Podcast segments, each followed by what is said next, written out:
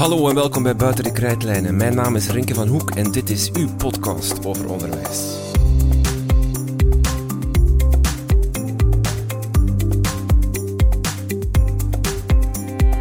Vandaag krijgt u de vijfde aflevering in onze TeacherTap-reeks. TeacherTap is een gratis app die je elke dag de kans geeft om drie meer keuzevragen te beantwoorden die aansluiten bij de dagelijkse praktijk of de actualiteit van het onderwijs. De voorbije weken werden er een aantal vragen gesteld in TeacherTap over inclusie. Zo werd de vraag gesteld of inclusie iets is om na te streven of juist helemaal niet. En werd er nagegaan wat u al doet rond inclusie in de klas. We bespreken die resultaten met Marijke Wilsens. Zij is al vele jaren bezig met inclusie en diversiteit. Zo is ze docent aan de Artevelde Hogeschool in de bachelor na bachelor in het onderwijs, buitengewoon onderwijs en zorgverbreding en remedierend leren en leidt ze verschillende internationale projecten rond inclusie. Denk jij nu, ik wil ook meedoen met die TeacherTap-applicatie en elke dag die bevraging invullen? Wel, dat kan, zonder enig probleem. Ga dan als de bliksem naar de App Store en download de TeacherTap Vlaanderen app. In een paar klikken kan je meedoen. En dan nu het verhaal van Marijke Wilsens.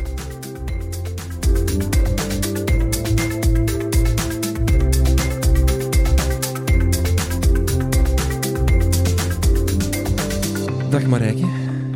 Uh, we gaan het hebben over inclusie Aha. in onderwijs. Um, misschien moeten we gewoon beginnen bij het begin. Wat is inclusie? Even dat begrip toch duidelijk definiëren, want dat is wel een, een breed begrip. Dus er kan veel onder vallen. Hoe definieer jij het? Belangrijk is dat wij de laatste jaren inclusie steeds vaker uh, definiëren als kwaliteitsvol goed onderwijs voor alle leerlingen. Hè. Vroeger werd inclusie vooral gekoppeld aan leerlingen met specifieke onderwijsnoden of met een beperking.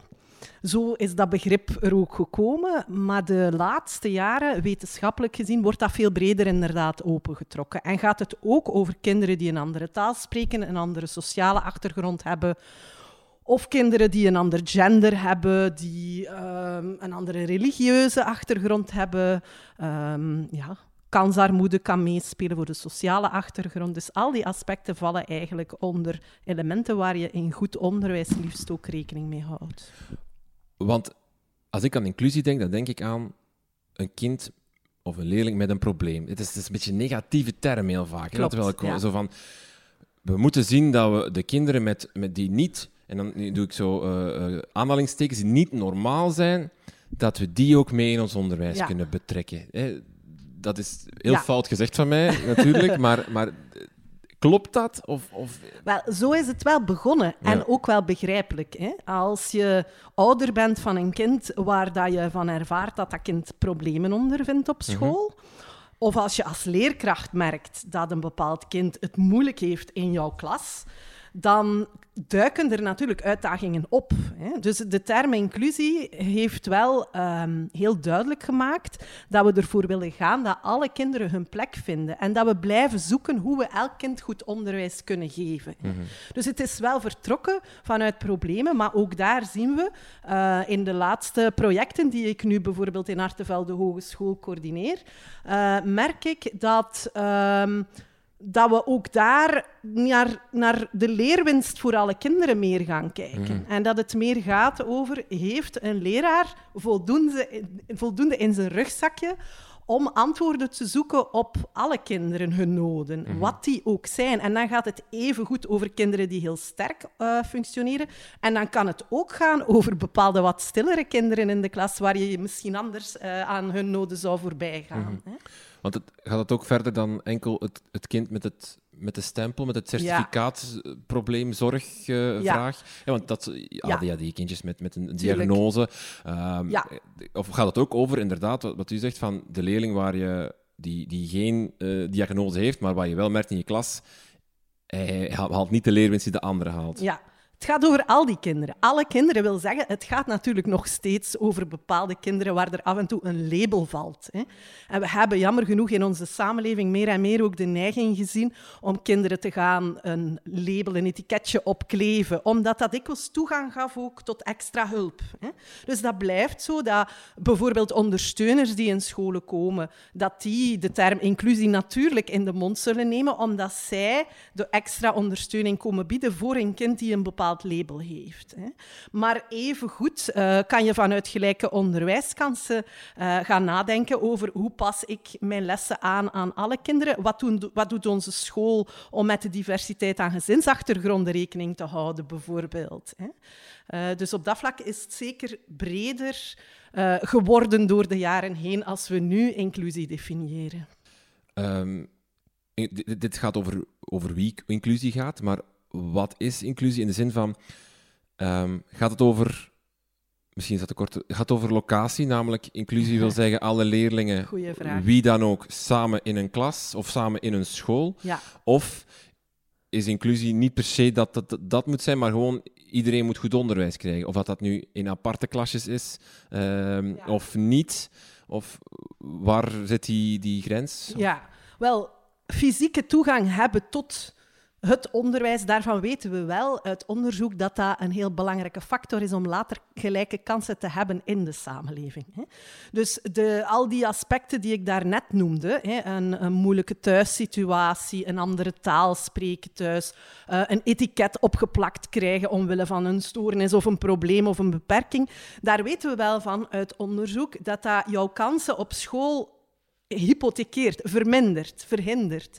En dus het, het gaat er wel om dat we als school gaan nadenken hoe kunnen we die kinderen bij ons erbij houden? Hoe kunnen we ervoor zorgen dat die bij ons kunnen blijven op school? Dus die locatie is een eerste stap maar is niet het enige. Hè? Want we weten ondertussen ook dat eh, als je gewoon een kind uh, fysiek in een gewone school houdt, maar die zit dan helemaal achteraan in een hoekje op de bank weg te kwijnen, ja, dan zou niemand dat inclusie noemen. Dat was wel zo dat we dat in het oude integratiedenken naar voren schoven. Hè? Van, We moeten per se zorgen dat de kinderen geïntegreerd worden en dan bedoelden we vooral, we moeten zorgen dat ze in die klasomgeving hun plekje uh, fysiek kunnen vinden. En dan was de, de kous af. Ja, was dat ook een beetje wat het M-decreet, het verguisde M-decreet, een beetje voor stond? Van, van, uh, of daar lag toch veel nadruk op, inderdaad, om... Um, ja, dat, dat mensen, um, of dat kinderen bijvoorbeeld met, met een verstandelijke beperking, dat die ook gewoon ja. in een, in een, um, een, een, ja, een gewone, gewone secundaire school konden gaan met dan nodige ondersteuning en dergelijke, ja. dat je dat soort van situaties kreeg. Ja, wel, uh, het M-decreet heeft daar inderdaad belangrijke stappen proberen zetten, maar we, we, hebben allemaal ervaren dat die stappen op dit moment niet tot, niet tot de juiste resultaten nog niet, nog niet leiden. Hè?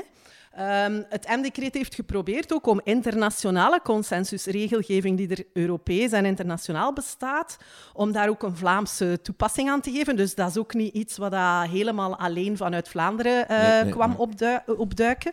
En um, het ging natuurlijk wel over die kinderen die zeker in Vlaanderen minder vaak toegang blijken te vinden dan bijvoorbeeld in de ons omringende landen. Hè.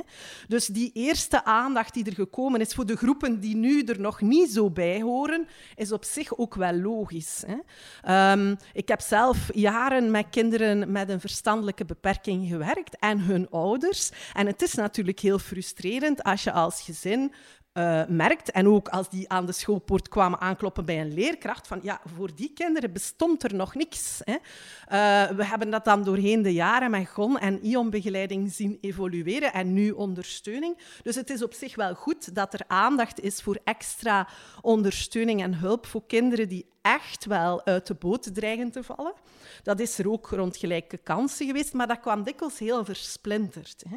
We hebben zowel een gelijke kansendecreet gehad, wat dat dan meer over uh, kinderen in kansarmoede ging. We hebben allerlei maatregelen gehad voor meertaligheid. We hebben apart aan het M-decreet gehad, wat dat over kinderen met beperkingen of specifieke zorg nodig ging. Maar eigenlijk, als we naar inclusie kijken, is het niet allemaal te verwachten van die speciale ondersteuning. En daar zit eigenlijk nog het probleem nu denk ik dat leraren uh, ook wel zich wat, uh, soms wat onkundig voelen. Uh, dat zij echt het gevoel hebben van ik ga dat niet kunnen, ik ben daar niet speciaal of specialistisch voor opgeleid. Ik moet dan maar zo snel mogelijk verwijzen of een specialist erbij laten roepen door uh, ons CLB. En dan doe ik mijn job goed. Terwijl eigenlijk um, het veel meer kan gaan over wat kan je zelf doen als leraar om met die diversiteit in jouw groepen om te gaan. Zodat je misschien niet voor elk mogelijk labeltje dat er ooit nog opduikt een aparte specialist nodig hebt. Uh, want dat is interessant, want, je, want het voordeel van inclusie zou je inderdaad heel snel bij uh, het kind dat zorg nodig heeft kunnen leggen. Van ja, die gaan we zorgen dat die uh, goed onderwijs krijgt. Dus een voordeel voor hen. Maar inclusie draait dus, als ik het goed hoor, ook over de leerkracht tools geven, uh, kundig maken om met een diverse klas, die hier altijd is, op, op, soms kan dat op, heel, uh, op een klein gebied zijn, bij wijze van spreken, gewoon één kindje is slimmer dan het andere kindje. Of het kan op heel groot gebied zijn, de, de, met, met, met mentale beperking, verstandelijke beperking, ja. lichamelijke beperking. het gaat ook daarover. Het is dus ook, inclusie is, ook, is er ook om voordelen voor de leerkracht te scheppen. Het gaat zelfs bij uitstek daarover, als je het mij vraagt. Hè. als wij in lerarenopleidingen bezig zijn en ook in andere opleidingen. Ik geef zelfs ook soms wel gastlessen aan therapeuten bijvoorbeeld of aan ondersteuners. Geef ik ook nascholingen ja, dan vinden wij het heel belangrijk dat we mensen ook sterker kunnen maken in uh, het omgaan met de diversiteit die er nu toch hoe dan ook is. Hè. Uh, we kunnen diversiteit niet meer wegdenken uit onze samenleving. Ik hoorde daarnet op de radio, als ik naar hier kwam, dat in de Stadsmonitor uh, gebleken is dat eigenlijk veel mensen op zich ook wel beseffen van er is diversiteit in mijn straat, in mijn dorp, in mijn stad. En eigenlijk ja, hoort dat er wel bij. Dus vanuit die optiek denk ik dat we ook een heel positieve uh, invloed zouden kunnen hebben. En daar proberen wij zelf ook uh, heel hard aan te werken in onze lerarenopleidingen en nascholingen. Om leraren te laten zoeken van wat lukt jou wel, wat doe je al. Eerder dan wat er soms gebeurd is, grote theoretische kaders over onderwijssystemen die moesten veranderen, uit te leggen. In hoeverre gaat inclusie ook over vrije keuze? Uh, en dan denk ik terug weer aan, aan leerlingen, kind, ouders. Die, die hebben, met krijg ik ook wel eens vaak het, het, het verhaal van, van een ouder die zegt: Ja, maar mijn kind gaat niet renderen in het gewone onderwijs, maar die moet daar naartoe. Ik heb de keuze niet. Uh, en omgekeerd ook, hè, van mijn kind zou echt goed zijn in, in, in, het, sec, in het reguliere secundair onderwijs, maar hij mag niet, want hij wordt niet toegelaten op een school. Um, en die vrije keuze zou je kunnen doortrekken naar tal van situaties. In hoeverre is inclusie ook keuzes scheppen voor. Um, kinderen waar nu te weinig keuze voor is, of waar te weinig keuzevrijheid voor is. En vaak is er nu, als je een bepaalde diagnose hebt, heb je één optie. Namelijk de, de specifieke school of de specifieke onderwijsvorm die daar dan voor ingericht is. En heel vaak is daar, is daar geen speling in, terwijl elk kind anders is. Ja, wel, het is zeker zo in de jaren dat het M-decreet uh, er gekomen is, dat er eigenlijk 15 jaar van strijd van ouders aan vooraf gegaan is om voor elk kind die kans, die keuze te hebben om voor een gewone school te kiezen. Hè. Voordien hebben we in de jaren zeventig gezien dat ook die strijd er is geweest van elke ouder die zei wij willen specialistisch deskundig onderwijs, wij willen buitengewoon onderwijs, want ons kind heeft daar recht op. Dus zo is het zeker gegroeid dat mensen voelden voor hun eigen kind van ik ken mijn kind en ik voel, of een school ook, wij kennen dit kind, wij zouden die hier graag wel verder eh, meenemen in onze klasgroepen. Maar we voelen dat we daar niet altijd de middelen voor hebben. Hè? Of de ondersteuning missen, of wat specialistische achtergrond toch. Dus dat er af en toe mensen kunnen komen meedenken uh, om uw keuze ook uh, goed te maken als gezin en als school is belangrijk. Maar als je het mij vraagt, uh, moeten we toch ook het rechte verhaal erbij nemen. Hè? Inclusie is wel een recht van alle kinderen. Hè? Ja sinds kinderrechtenverdrag al. Hè. Uh, en op dat vlak hebben we ook internationaal zeker nog altijd groepen die nu uit de boot vallen. En waar we wel voorzichtig moeten zijn, want het wordt soms ook wel eens als een excuus gebruikt van ja, maar als de ouders willen kiezen voor buitengewoon onderwijs, is het ook wel goed. Terwijl we wetenschappelijk wel weten dat er heel wat voordelen zijn later, hè, als je in een groep gewone kinderen kunt opgroeien, met de nodige ondersteuning. Hè. Dus op dat vlak mogen we uh, die kinderrechten ook niet te vlug vergeten. Want uh, zeker wat minder mondige ouders, die laten zich ook wel al eens um, ja, beïnvloeden door... Ik heb zelf bijvoorbeeld in buitengewoon onderwijs geweest, of van die cliché-ideeën van daar gaan ze het best, daar gaat er het best voor hen gezorgd worden. En dan is het wel belangrijk dat we ook uh, als school durven zeggen van kijk, wij willen wel zo ver gaan als mogelijk om echt elk kind met differentiatie, met aangepaste werkvormen, uh, met ons klasmanagement, waar we steeds beter met diversiteit leren omgaan, om die wel in de lokale school te houden. Ja, want um, als ik me goed herinner, maar moet ik even teruggraven, maar bij het M-decreet um, werd het ook wel al gebruikt van er zijn wel internationale verdragen die op zich ons verplichten ja, klopt. om inclusie of om inclusief onderwijs te garanderen eigenlijk. Ja, we hebben, ik denk, het, het, het verdrag van Salamanca... Eh, wel, dat was een verklaring. Ja. Dus de Verenigde Naties hebben al in 1994, toen was ik nog aan het studeren, hè, uh, en zoveel jaar, hè, meer dan twintig jaar later, staan we eigenlijk nog steeds niet helemaal waar we moeten staan uh, wat die rechten betreft. Hè. Op dit moment horen we bijvoorbeeld door corona heel wat verhalen bij onderwijskoepels, maar ook bij ouderorganisaties, van kinderen die nu weer net iets vaker uit de boot dreigen te vallen. Hè? Waar scholen zich weer net iets meer in de hulpeloosheid voelen. Van oei, we kunnen dit niet. Zeker gezien wat we nu gezien hebben met, die, met uh, ja, het afstandsonderwijs. En waar de moed wat in de schoenen lijkt te zinken van schoolteams en waar de neiging om kinderen weer naar buitengewoon onderwijs te sturen, niet uit slechte bedoelingen, maar omdat we denken, ze gaan daar beter verzorgd worden. Hè. Terwijl... welke, welke plichten hebben scholen nu? Of, want ik, je leest veel over de redelijke aanpassingen. hè? Dat is iets wat, wat wel valt in, in inclusiedebatten. Scholen moeten redelijke aanpassingen voorzien. Klopt. Maar wat dat dan juist is, dat is ongedefinieerd. Wel, er zijn ook daar een aantal criteria in ons M-decreet, maar die komen niet zomaar alleen vanuit het M-decreet. Of we nu morgen dat... Hè, want onze huidige onderwijsminister zegt wel eens van, we gaan dat afschaffen. Uh, nu, mensen op de markt horen dat graag natuurlijk, als er iets niet goed is, van ze gaan iets afschaffen.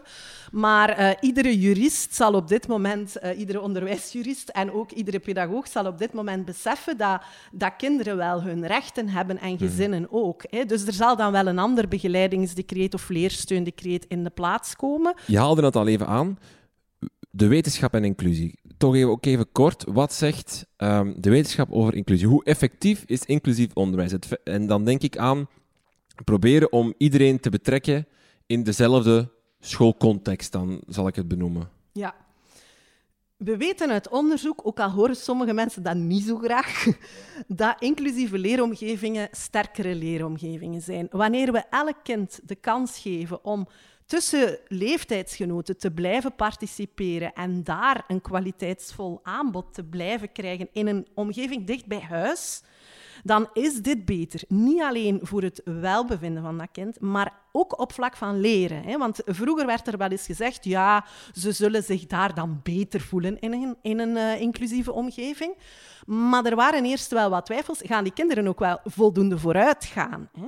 Gaan die wel voldoende leereffect uh, hebben wanneer we uh, in een gewone omgeving werken? Nu, ik spreek natuurlijk in de voorwaardelijke wijs als ze aangepaste werkvormen uh, gebruiken in de gewone school. Hè. Ik bedoel daarmee, wanneer een leraar op een klassieke manier zou vooraan de klas gaan staan, als dat nog bestaat in Vlaanderen, en een leraar gaat echt gewoon... Uh, zeven uur op zeven, zeven lestijden op zeven, puur doseren en met geen enkele diversiteit rekening houden, ja, dan zal dat voor geen enkele van die groepen waar ik over spreek goede effecten hebben. Hè. Maar als een leraar, en dat zien we nu toch steeds vaker, als leraren goed differentiëren, als leraren in hun klasmanagement rekening houden met kinderen die het emotioneel of qua gedrag wat moeilijker hebben, ja, dan kunnen we eigenlijk heel veel bereiken, zowel qua welbevinden als leren. En nog een belangrijk element uit de wetenschap is dat we dat niet alleen voor dat kind zelf weten uit onderzoek, maar de belangrijkste is, denk ik, voor heel Vlaanderen dat we ook winst hebben voor alle kinderen. De andere kinderen gaan dus daar niet door achteruit. Een, een, typisch, uh, een typisch cliché wat ik toch nog altijd hoor is: ja, maar dat zal dan te kosten gaan van andere kinderen. En dat blijkt uit onderzoek niet te gaan. Weerom op voorwaarde dat een leraar echt uh, samen met uh, andere professionals en ouders gaat zoeken hoe je het onderwijs kunt aanpassen aan ieders noden. Uh, ik ga er even de vragen van TeacherTap bij halen ja. om, om even te kijken. Um, misschien het eerste, om, het, om, het, om bij het macrobeeld te blijven. De vraag die gesteld werd aan 1992 respondenten. Is volledig inclusief onderwijs volgens jou realiseerbaar? 50% zegt nee en ook niet nodig. Ja. Um, ja. 31% zegt nee, maar het is wel na te streven. Want een nee, dat heeft eerste woord heeft de overhand wel. Doet het, als ik jou volledig betoog hiervoor, dan moet dat toch pijn doen? Dat het feit dat het toch vooral in, in, in Vlaanderen, in het Vlaamse onderwijs, toch wel echt een soort van nee-gevoel is. Van eigenlijk dat inclusief onderwijs, we geloven daar niet in. Er ontstaat ook wel eens ontmoediging bij ondersteuners, zeker deze fase van het schooljaar. Hè. Uh, en ook bij mensen zoals mij die daar in lerarenopleidingen vakken rondgeven rond zorg of diversiteit of whatever. Uh, dit is natuurlijk ontmoedigend. Maar tegelijkertijd heeft het volgens mij ook heel veel te maken met het woord inclusie. Hè? Ja. Wat ik eigenlijk daarnet heb uitgezegd, en in die zin, als mensen dit uh, verhaal beluisteren, gaan ze er misschien ook eens wat breder over denken. Ja, hoe kan je er vinden dat het niet nodig is dat alle kinderen goed onderwijs krijgen. Ik heb eigenlijk, als ik die omschrijving die nu wetenschappelijk hè, gangbaar is, aan, als ik die aan leraars voorleg, heb ik nog nooit gehad dat leraren daar eigenlijk principieel tegen zijn. De foute naam van inclusie komt toch door het feit dat elke leerkracht... Allez, ik ga nu voor elke leerkracht spreken, dus dat, dat zal niet zo goed zijn, maar dat elke leerkracht denkt Inclusie wil zeggen dat ze hier vijf ADHD'ers, uh, eh, twee, mensen, twee leerlingen die, die uh, uh, dyslexie, dyscalculie en nog vijf andere stoornissen hebben daarbij, en dan nog tien ja. autisten in mijn klas gaan steken. Ik ga me niet meer weten waar mijn kop staat. Ja. Dat is toch... Dat is... Ja. Dat is het beeld waar um, mijn professor Geert van Hoven in de jaren negentig in zijn boek trekt van alle kinderen al meegaf en in onze lessen van Attila en de hunnen die van den berg komen afgebolderd. Hè? Alsof de diversiteit nu ver weg in de bossen zit. En dat was ook vroeger zo bij bepaalde scholen voor buitengewoon onderwijs. En dat die al mijn keer ineens ging uitgegoten worden over een school. Ja, dan zou ik natuurlijk als leraar ook zeggen, dat hoeft voor mij niet. Hè? Terwijl als het gaat over alle kinderen in jouw lokale gemeenschap, hè, uh, ja, die daar nu zijn, die zich komen inschrijven. Hè. Om daarvoor te zorgen dat die zo lang als mogelijk een kwaliteitsvol onderwijs kunnen blijven krijgen en dat je daar je stinkende best voor doet als leraar, dan zegt eigenlijk elke leraar mij, ja, dit doe ik. Hè.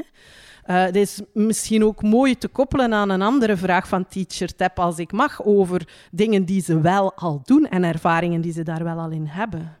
Uh, als je dan met dat ontmoedigende beeld zit van ze gaan er hier hè, nog een hoop kinderen bovenop gooien, dan heb je misschien ook wel een, een vertekend beeld van wat er allemaal nog zal bovenop komen.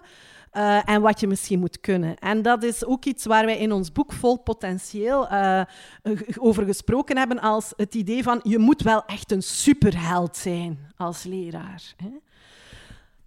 We weten nogthans uit onderzoek dat wat je eigenlijk moet kunnen om dat goed effect van inclusie te realiseren, dat dat redelijk gewone dingen zijn. Dat zijn vijf dingen. En dat hebben we dus deze week eens gevraagd aan leraren via TeacherTap. En een van die vijf competenties is positieve relaties in een veilig klasklimaat gaan realiseren. 86% van de mensen hebben blijkbaar gezegd, dat doe ik eigenlijk al diversiteit gaan waarderen en benutten in jouw klas. Hmm. 61% van de leraars zegt, maar is toch al dik meer dan wat uh, dat verhaal van meer dan 50% mensen die zeggen dat is allemaal niet nodig. Eigenlijk zeggen zij, ja, ik vind dat wel belangrijk, ik doe het zelfs. Hè. Niet alleen ik zou het willen kunnen, maar ik doe het. Um, een derde uh, competentie gaat over een krachtige en toegankelijke leeromgeving voor elk kind creëren. Zorgen dat je dus werkvormen aanpast, dat je rekening houdt met uh, diverse noden en zo jouw uh, leeromgeving vormgeeft. 70% van onze leraren zeggen: Ik doe dit. Er zijn ook twee competenties waar de aarzeling wat groter is, maar toch nog een derde van de leraren doet ook dit.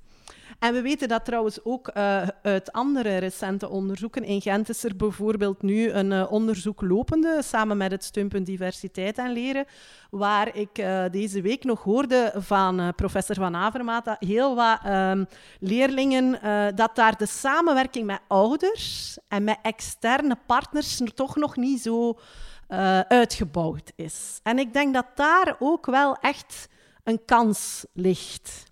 Het is ook het thema waar we vanuit de recente projecten met Artevelde Hogeschool en ook in onze internationale Erasmus Plus projecten nu, Proud to Teach All Learners, op inzetten. Uh, we willen echt leraren sterker maken in het samenwerken met dat kind zelf in jouw klas. In gesprek gaan met kinderen van wat zou jou kunnen helpen. Hè? Mm. Maar ook met ouders. Wat, werk, wat merken jullie dat werkt thuis? Dikwijls hebben die ouders al heel wat dingen. Ja, ja, ja, ja. En ook met partners. Aan een ondersteuner wat vaker vragen. Of aan een CLB-medewerker op school. Die mensen zijn er in scholen. Aan die mensen vaker vragen van... Wat zouden we nog kunnen proberen? Kan jij ons helpen om mee te denken over hoe we onze klasomgeving nog beter kunnen met die diversiteit rekening laten houden? Dat zijn nog echt wel uitdagingen. Dus samenwerken in één woord gezegd. Dat doet op dit moment een derde van de leerkrachten. En daar zit eigenlijk volgens mij het kalf gebonden, om het even in een spreekwoord te zeggen. Hè. Uh, in de zin dat moesten leraren meer het gevoel hebben van ik hoef het niet alleen te kunnen. Ik kan, het niet, ik kan het misschien nog niet soms, of ik voel er mij voor aarzelen of dat allemaal wel nodig is. Is het niet handiger dat ze die kinderen hier zo vlug mogelijk wegnemen? evolutie krijgen naar ik kan dit nog niet alleen. Maar er zijn wel mensen die mij daarin kunnen helpen. In elk geval die kinderen zelf en hun gezin. Die zijn er. Jouw collega's, hè, die vergeet ik nog even als we over partners spreken. Meer en meer scholen investeren toch ook in teach, teamteaching, co-teaching. Gaan nadenken over hoe ze soms klasdoorbrekend is kunnen werken, zelfs als ze niet zo ver gaan van uh, die team- en co-teaching te doen.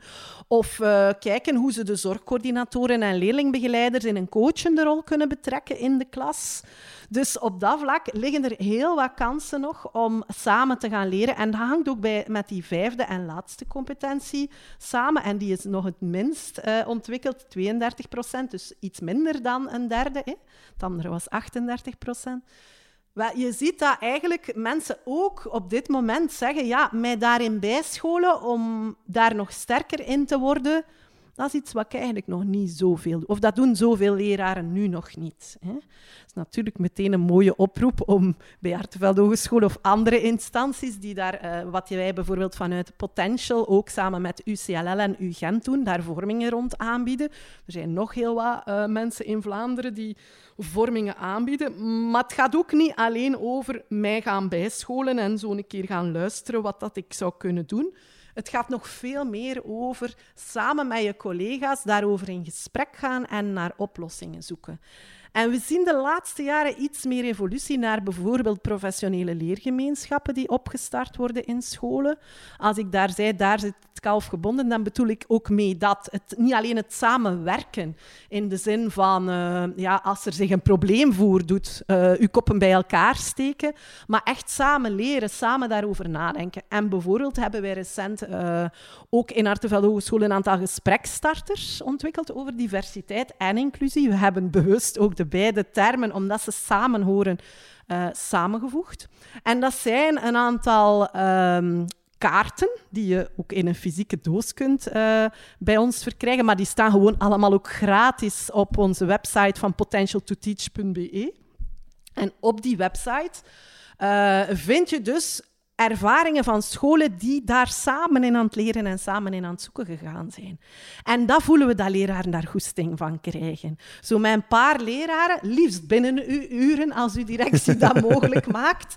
Maar als dat af en toe een keer onmiddellijk na schooltijd is, leraars zijn niet de mensen die uh, de, om vijf uur of om vier uur gewoon de deur dicht trekken, denk ik. Zeker niet mensen die hier naar jouw podcast luisteren. Dat zijn ook mensen die op zoek gaan naar oplossingen. En daar zouden we nog veel meer kunnen op inzetten. Dus wat wij nu willen doen, is ook beleidsmakers overtuigen om. Um, ja, om eigenlijk meer in te zetten op dat samen leren. Hè. Samen inclusief leren. ehm, mogelijk maken in scholen, zodat een leraar die met een bepaalde groep het wel lastig heeft, ook echt weet, er zijn hier momenten bij ons op school dat mijn directie vindt dat ik daarover mag praten met mijn collega's. Want ik denk dat je wel een belangrijk... Of als ik naar mezelf kijk, ik, krijg in het begin van het jaar hebben we altijd uh, klassenraden waarin dat dan de zorgproblemen uit de, Ja. uit de klas worden eh, eh, ja, eh, medegedeeld. En heel vaak denk ik van, oh jongens, maar eh, daar, daar ben ik niet voor opgeleid. Ja, voilà. Is dat niet het groot probleem? Ja, de angst van, wat gaan ze hier binnensteken? En ik, ik heb maar twee handen en, en, en ik Ja, heb maar... Hè, want dat was ook een van de vragen van, van TeacherTap. Absoluut. van, oh, eh, soms steek ik zoveel tijd in kinderen met zorgvragen en problemen dat ik met maar de brede middenmoot tekort Ja. schiet. Daar antwoordt ook eh 43% het grootste meerderheid van ja, mee eens. Dus het soort van hulpeloosheidsgevoel dat bij leerkrachten heerst, Ja. is wel groot als het over inclusie gaat, als het over eh, breder gewoon, gewoon kinderen met een zorg. De, de angst om, om overweldigd te geraken door te veel zorgvraag en te weinig aanbod vanuit de leerkracht dan. Is er een gebrek aan eh, professionalisering? Dat heb je, Ja. Wel, ons nieuw project heet niet toevallig Proud. En in het woord Proud zit, toevallig of niet, in Nederlands hebben we dat niet, Pro en D, Professional Development. Hè? En wij vonden dat zelf wel eh, een belangrijke eigenlijk. Hè? Eh, we merken, we doen dat nu samen met Letland, Portugal, eh, de United Kingdom en Nederland. Hè? En in Vlaanderen UCLL, Artevelde Hogeschool en UGent. En we merken eigenlijk dat dat gevoel van ik ben er eigenlijk wel fier op dat ik alle kinderen een goed aanbod kan bieden, dat dat een beetje weg lijkt te zijn. Leraren in onze eh, professionele leergemeenschappen of kernteams of lerende netwerken, die komen ook heel vaak met dat gevoel bij ons. Eens dat ze dan een coach hebben die meedenkt, dan zeggen ze... Ah, Marijke, kun je dan niet gaan zeggen aan de minister van Onderwijs of, of minstens in de media, wat ik bij deze dus voor hen doe. Eh, kan dat niet wat meer benadrukt worden dat wij dat eigenlijk op zich wel willen doen, hoor?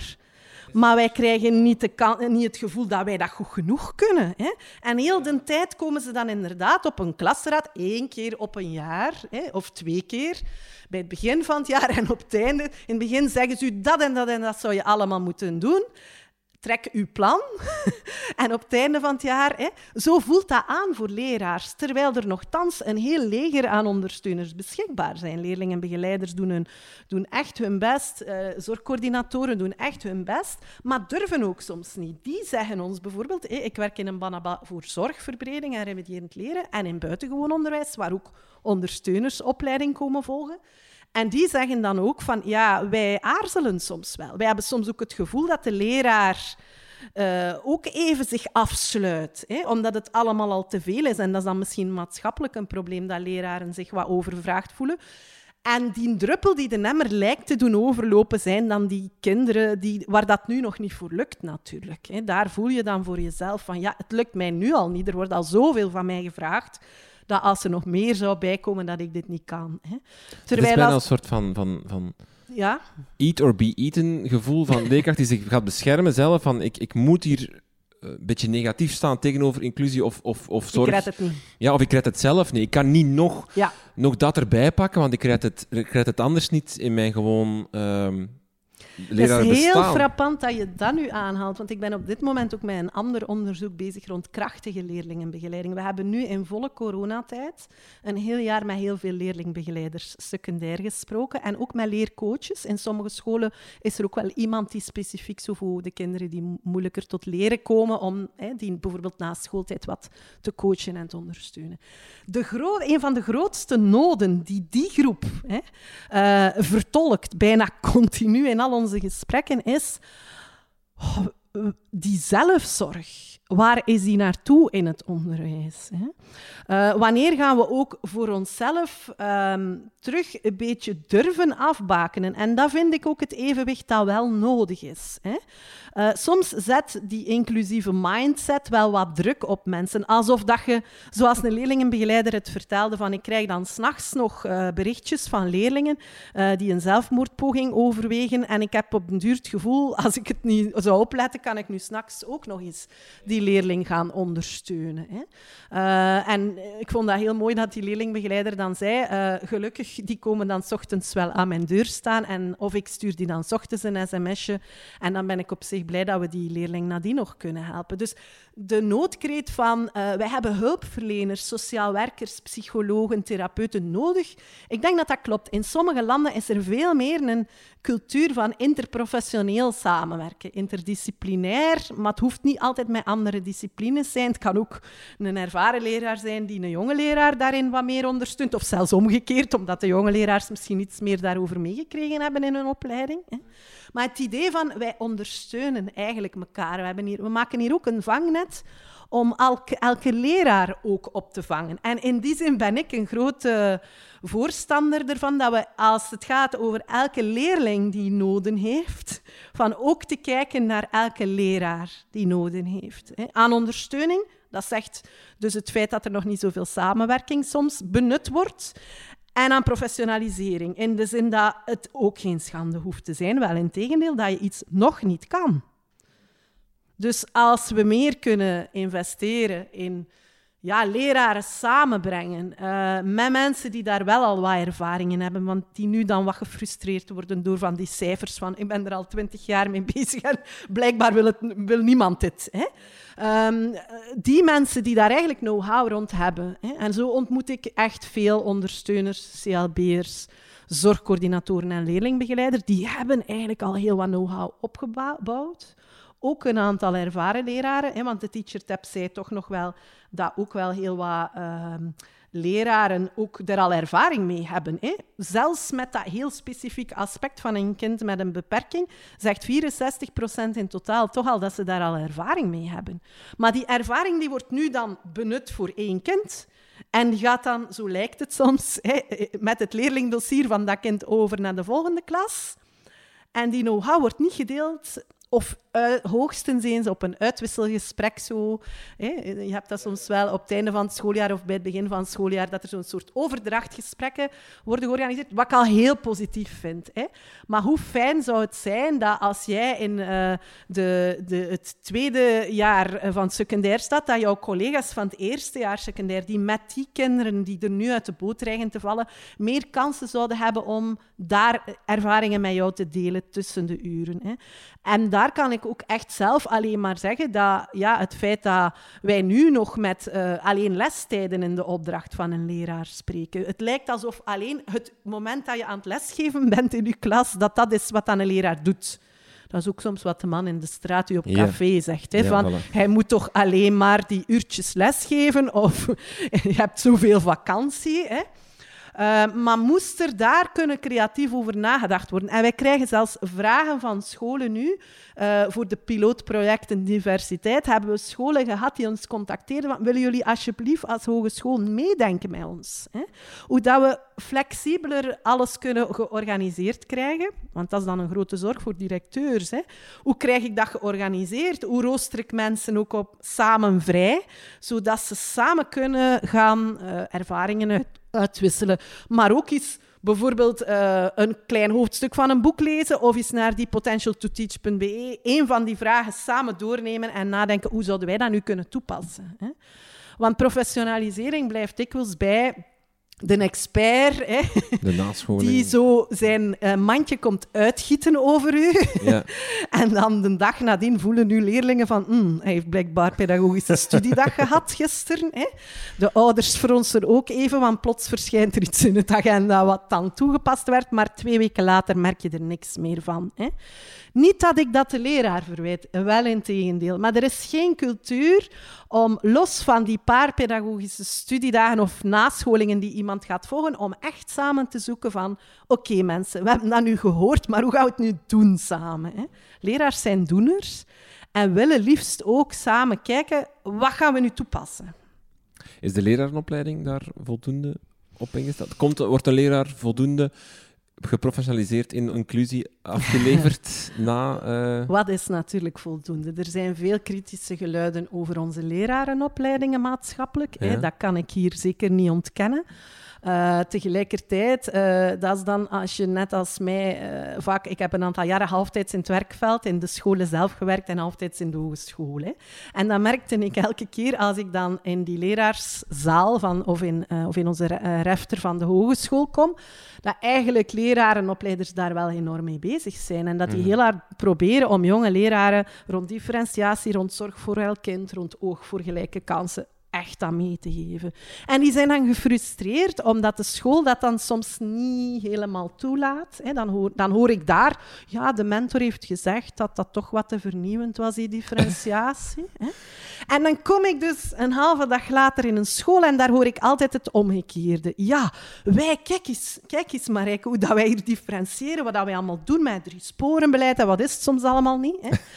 Uh, en kijk eens aan onze zorgdocumenten. Ze kunnen mij een hele doos vol allemaal dingen tonen die zij allemaal al doen. Maar jullie en uw lerarenopleiding, zeggen ze dan tegen mij. Jullie zijn toch echt wel daar niet mee bezig. Wilde dat daar een keer gaan zeggen in uw andere leraarzaal. Hè?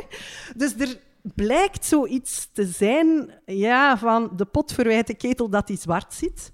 Waar dat de scholen soms denken, ook denk ik uit onmacht van, ja, het moet meer van de lerarenopleiding komen. En waar dat lerarenopleidingen zeggen, ja, maar wij kunnen dit niet als het werkveld niet meegaat. Hè. Is, het een, is het een... Ja, we moeten het samen doen, denk ik. Ja, wel, maar is er, een, is er een, te veel wantrouwen tussen alle verschillende actoren? Ik, ik, het is misschien het is een, het is een gevoel. Hè. Het is, ik, ik heb zou geen... een mooie vraag zijn voor TeacherTap in de toekomst. Maar in de zin van, eh, er is denk ik wantrouwen vanuit de leerkracht tegenover de zorgvraag. Direct al van, oh, te veel, dat gaat hier te, denk te veel zijn. Er is wantrouwen van de begeleider tegenover de leerkracht. Van ja, die, gaan, die doet misschien zijn job niet. En omgekeerd ook van, ja, maar die gaan mijn job geven. Die gaan mij zeggen dat ik dat, ik dat nog doen en dan nog moet doen en dan moet doen. Er is wantrouwen van de ouder tegenover de leerkracht. En omgekeerd van, ja, maar de, de, de, de, die samenwerking. En dan is er wantrouwen vanuit de de, de leraaropleider tegenover de school. De school vanuit de leraaropleider. je krijgt wel zo'n beetje het gevoel, ja. gevoel van... Het is, het is bijna een perceptieprobleem van... We, we durven niet ja. open samen te zeggen... Oké jongens, we hebben nu dit probleem, of die zorgvraag, of die... die En hoe gaan we dat hier samen oplossen? Omdat er vanuit iedereen een gevoel is van... We moeten ons eigen ding beschermen... Uh, onze eigen werkdruk, onze eigen zelfzorg. Het gekke is dat je dus uh, enerzijds een punt hebt in hoe mensen praten. Als ik in die teacher-tab zie dat ze zeggen, ja, nee, ja, inclusief onderwijs, dat is toch beter niet zo nodig, hoor. Daar ben ik niet zo voor. Dat is hoe dat we spreken daarover. Hoe we negatief gekleurd door sommige minder goede ervaringen, bijvoorbeeld met M-decreet, of mijn gebrek aan ondersteuning, wat ik ook heel goed begrijp. Hè. Heeft dat ehm, M-decreet meer fout en goed gedaan. Een soort van manier waarop het heel snel is ingevoerd. Een beetje door, door, de, door de strotgeramdheid van de leerkracht. Opeens kwamen ja, maar heel snel. Er was wel al 15 jaar onderhandeling. Maar voor de leraar was dat ja, dan wel, plots ik zal het zo zeggen, inderdaad. Hè. Dus, dus, het is heel... Allee, het is... Ja, koepels en, en vakbonden en ministers enzovoort hebben er 15 jaar over gedaan om een soort Belgisch compromis te vinden, waarvan we nu voelen, ja, het is het hm. toch nog niet helemaal. Hè. Dus er is zeker nog... Heeft het qua eh, perceptie meer fout gedaan voor qua inclusie? perceptie heeft het zeker het woord inclusie wat verbrand, denk ik. Uh, maar anderzijds heeft het het voor mij niet verbrand in de zin van wat ik in inclusieve klaspraktijk zie. Ja.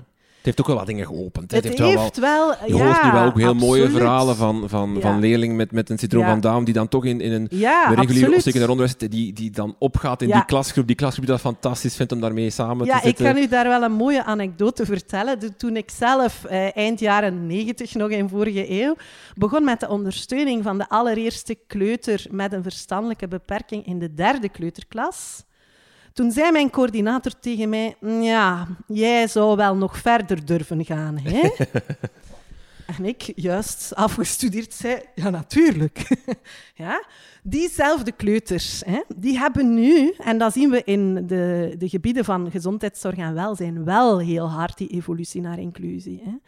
We zien nu dat die inclusief werken, wonen, hun vrije tijd inclusief besteden. Het lijkt mij soms dat welzijn en gezondheidszorg veel grotere stappen gezet hebben op dat vlak en wonen enzovoort. Dus die kinderen, of ze nu Down-syndroom hadden of autisme of complexe eh, meervoudige beperkingen, die hebben sommigen daarvan wel met de steun van, als er goede ondersteuning was weer, van het gezin en van de school en met goede wil, Als mensen dus met andere woorden hun oogkleppen eventjes voor dat woord inclusie gesloten hebben en gedacht, kom aan, we gaan het doen. Dan zie je dat die kinderen dus een volledige schoolloopbaan inclusief hebben gevolgd en nu ook maatschappelijk gezien Bijvoorbeeld een van die allereerste kleuters die ik begeleid heb, toen in die bewuste derde kleuterklas, die assisteert nu vrijwillig in kleuterscholen. Die papa is wel iemand die hè, samen met die mama heel veel gedaan heeft. Papa werkte ook in het onderwijs en heeft denk ik een lans gebroken uh, voor zijn eigen dochter. Maar er bestaan zulke verhalen en die horen we heel weinig. We kijken heel weinig naar wat er wel gelukt is. Want altijd als ik zo'n voorbeeld zoals nu geef in mijn lessen of aan u, zullen er ook wel luisteraars zijn die zeggen, ja, maar die ene bij mij, en dan zit daar dus weer dat u naar beneden laten halen. Dan denk ik, kom op. ik ga een stoute vraag stellen, die mij misschien de helft van mijn luisteraars gaat kosten, maar kom. Stel ze. Is de leerkracht te bekrompen? Te, te veel die oogkleppen en te veel het gevoel van, die hoort hier niet thuis in mijn klas? Nee. Dat die eens naar nee, het Niet als ik met hen praat zoals wij nu praten. nee. Oké. Leraren hebben... hebben uh, ja, het is een van de hoofdstukken in, in ons boek trouwens. Inclusie zit dat dan tussen de oren van de leraar. En een ander hoofdstuk is, zit het in de muren? Dat dat in de school precies er nog zit. En dat we, er niet, hè, dat we daar eigenlijk uh, er niet van af geraken van een eerder enge kijk daarop. Nee, absoluut niet. Want het is echt niet zo dat leraren een, een negatieve mindset hebben. Hè. Mhm. Leraren in onze opleidingen, ik zie ze elke dag. Ik heb net nog een hele serie heel mooie scores uh, voor het einde van onze opleiding voor afstuderen. De studenten weten het nog niet, maar ze hebben allemaal hele hoge cijfers bij mij. Uh, omdat ik voel dat leraren dit doen en dat waarmaken. En dat is voor mij veel belangrijker. Dat ze inclusieve daden stellen eigenlijk. Of ze dan dat woord inclusie een beetje verguizen of niet. Goed, daar hebben we nog werk aan de winkel, denk ik. Maar in, ik denk echt, en dat weten we ook uit onderzoek, dat is waardoor ik het volhoud in elk geval. Hè. Waardoor ik het volhoud, is dat we zien dat als mensen het beginnen te doen en ontdekken, hmm, eigenlijk Allee, ik zag er tegenop.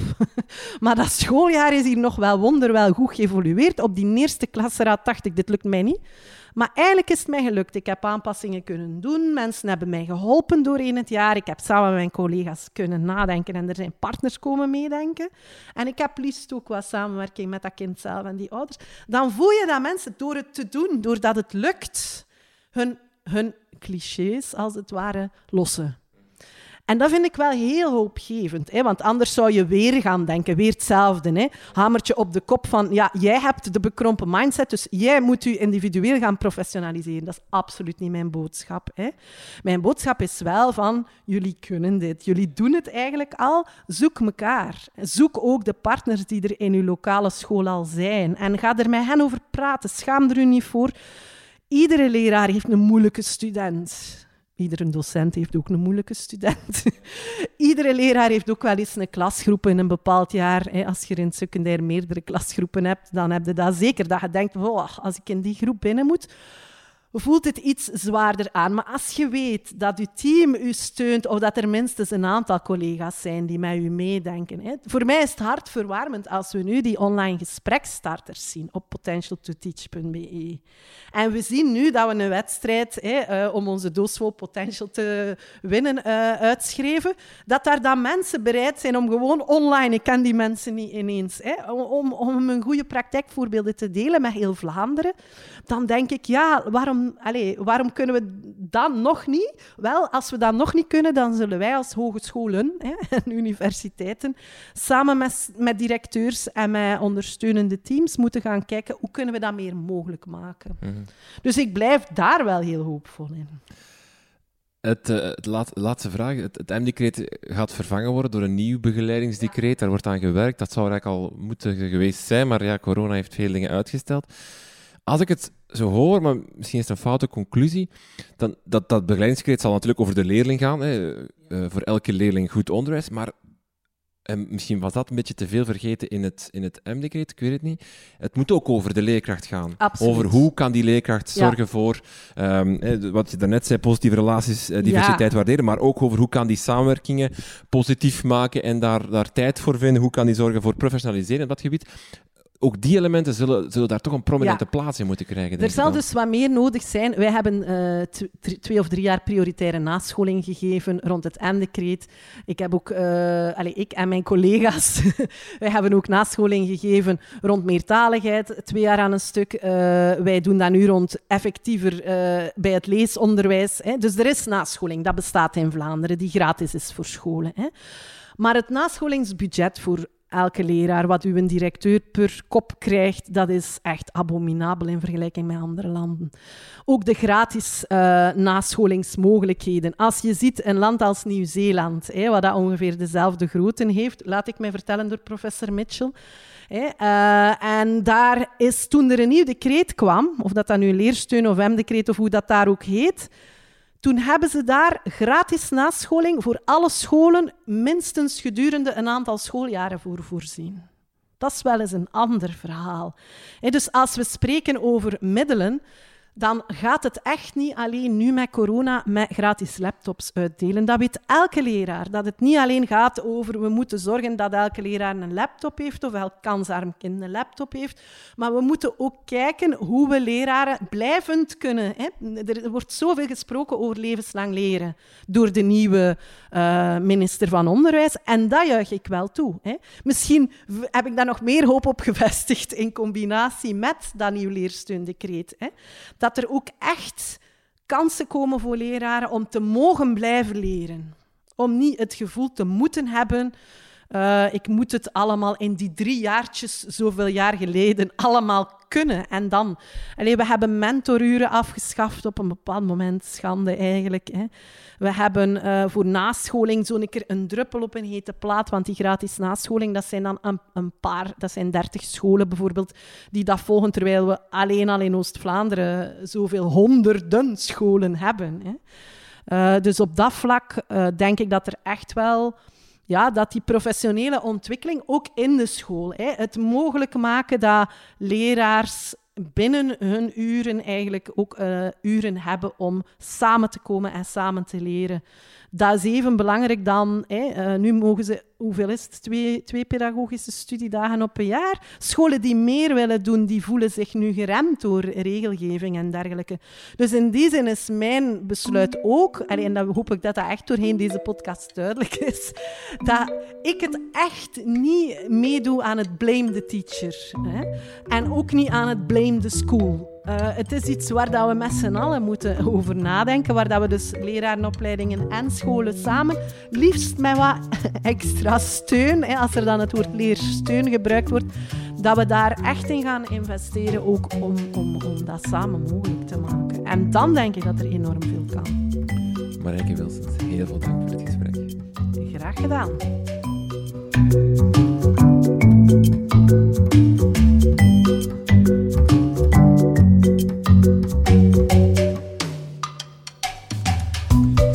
Dit was het dan weer voor deze aflevering. Deze aflevering is een samenwerking met TeacherTap. En TeacherTap dat is een initiatief van de Artevelde Hogeschool. Meer info over deze app vind je op www.delerarendenkt.be. Wil je zelf meedoen met TeacherTap? Ga dan naar de App Store op je smartphone en download dan snel de app. En wie weet ben je nog op tijd om de drie vragen van de dag te beantwoorden. Blijf op de hoogte van al onze plannen en nieuwe afleveringen via Twitter, Facebook of Instagram. Een lijst van al onze voorgaande afleveringen vind je op www.dekrijtlijnen.be. Als jij het ook belangrijk vindt dat we leerkrachten kunnen blijven inspireren en dat deze gesprekken gratis beluisterd kunnen worden door iedereen die met onderwijs bezig is, overweeg dan om vriend van de show te worden van Buiten de Krijtlijnen. Dat kan via onze website, daar kan je een donatie doen. Dat kan een eenmalig donatie zijn of ook op maandelijkse basis, dan doneer je 2,5 euro per maand. Surf dus naar www.dekrijtlijnen.be en word vriend van de show. Dank voor het luisteren en tot de volgende.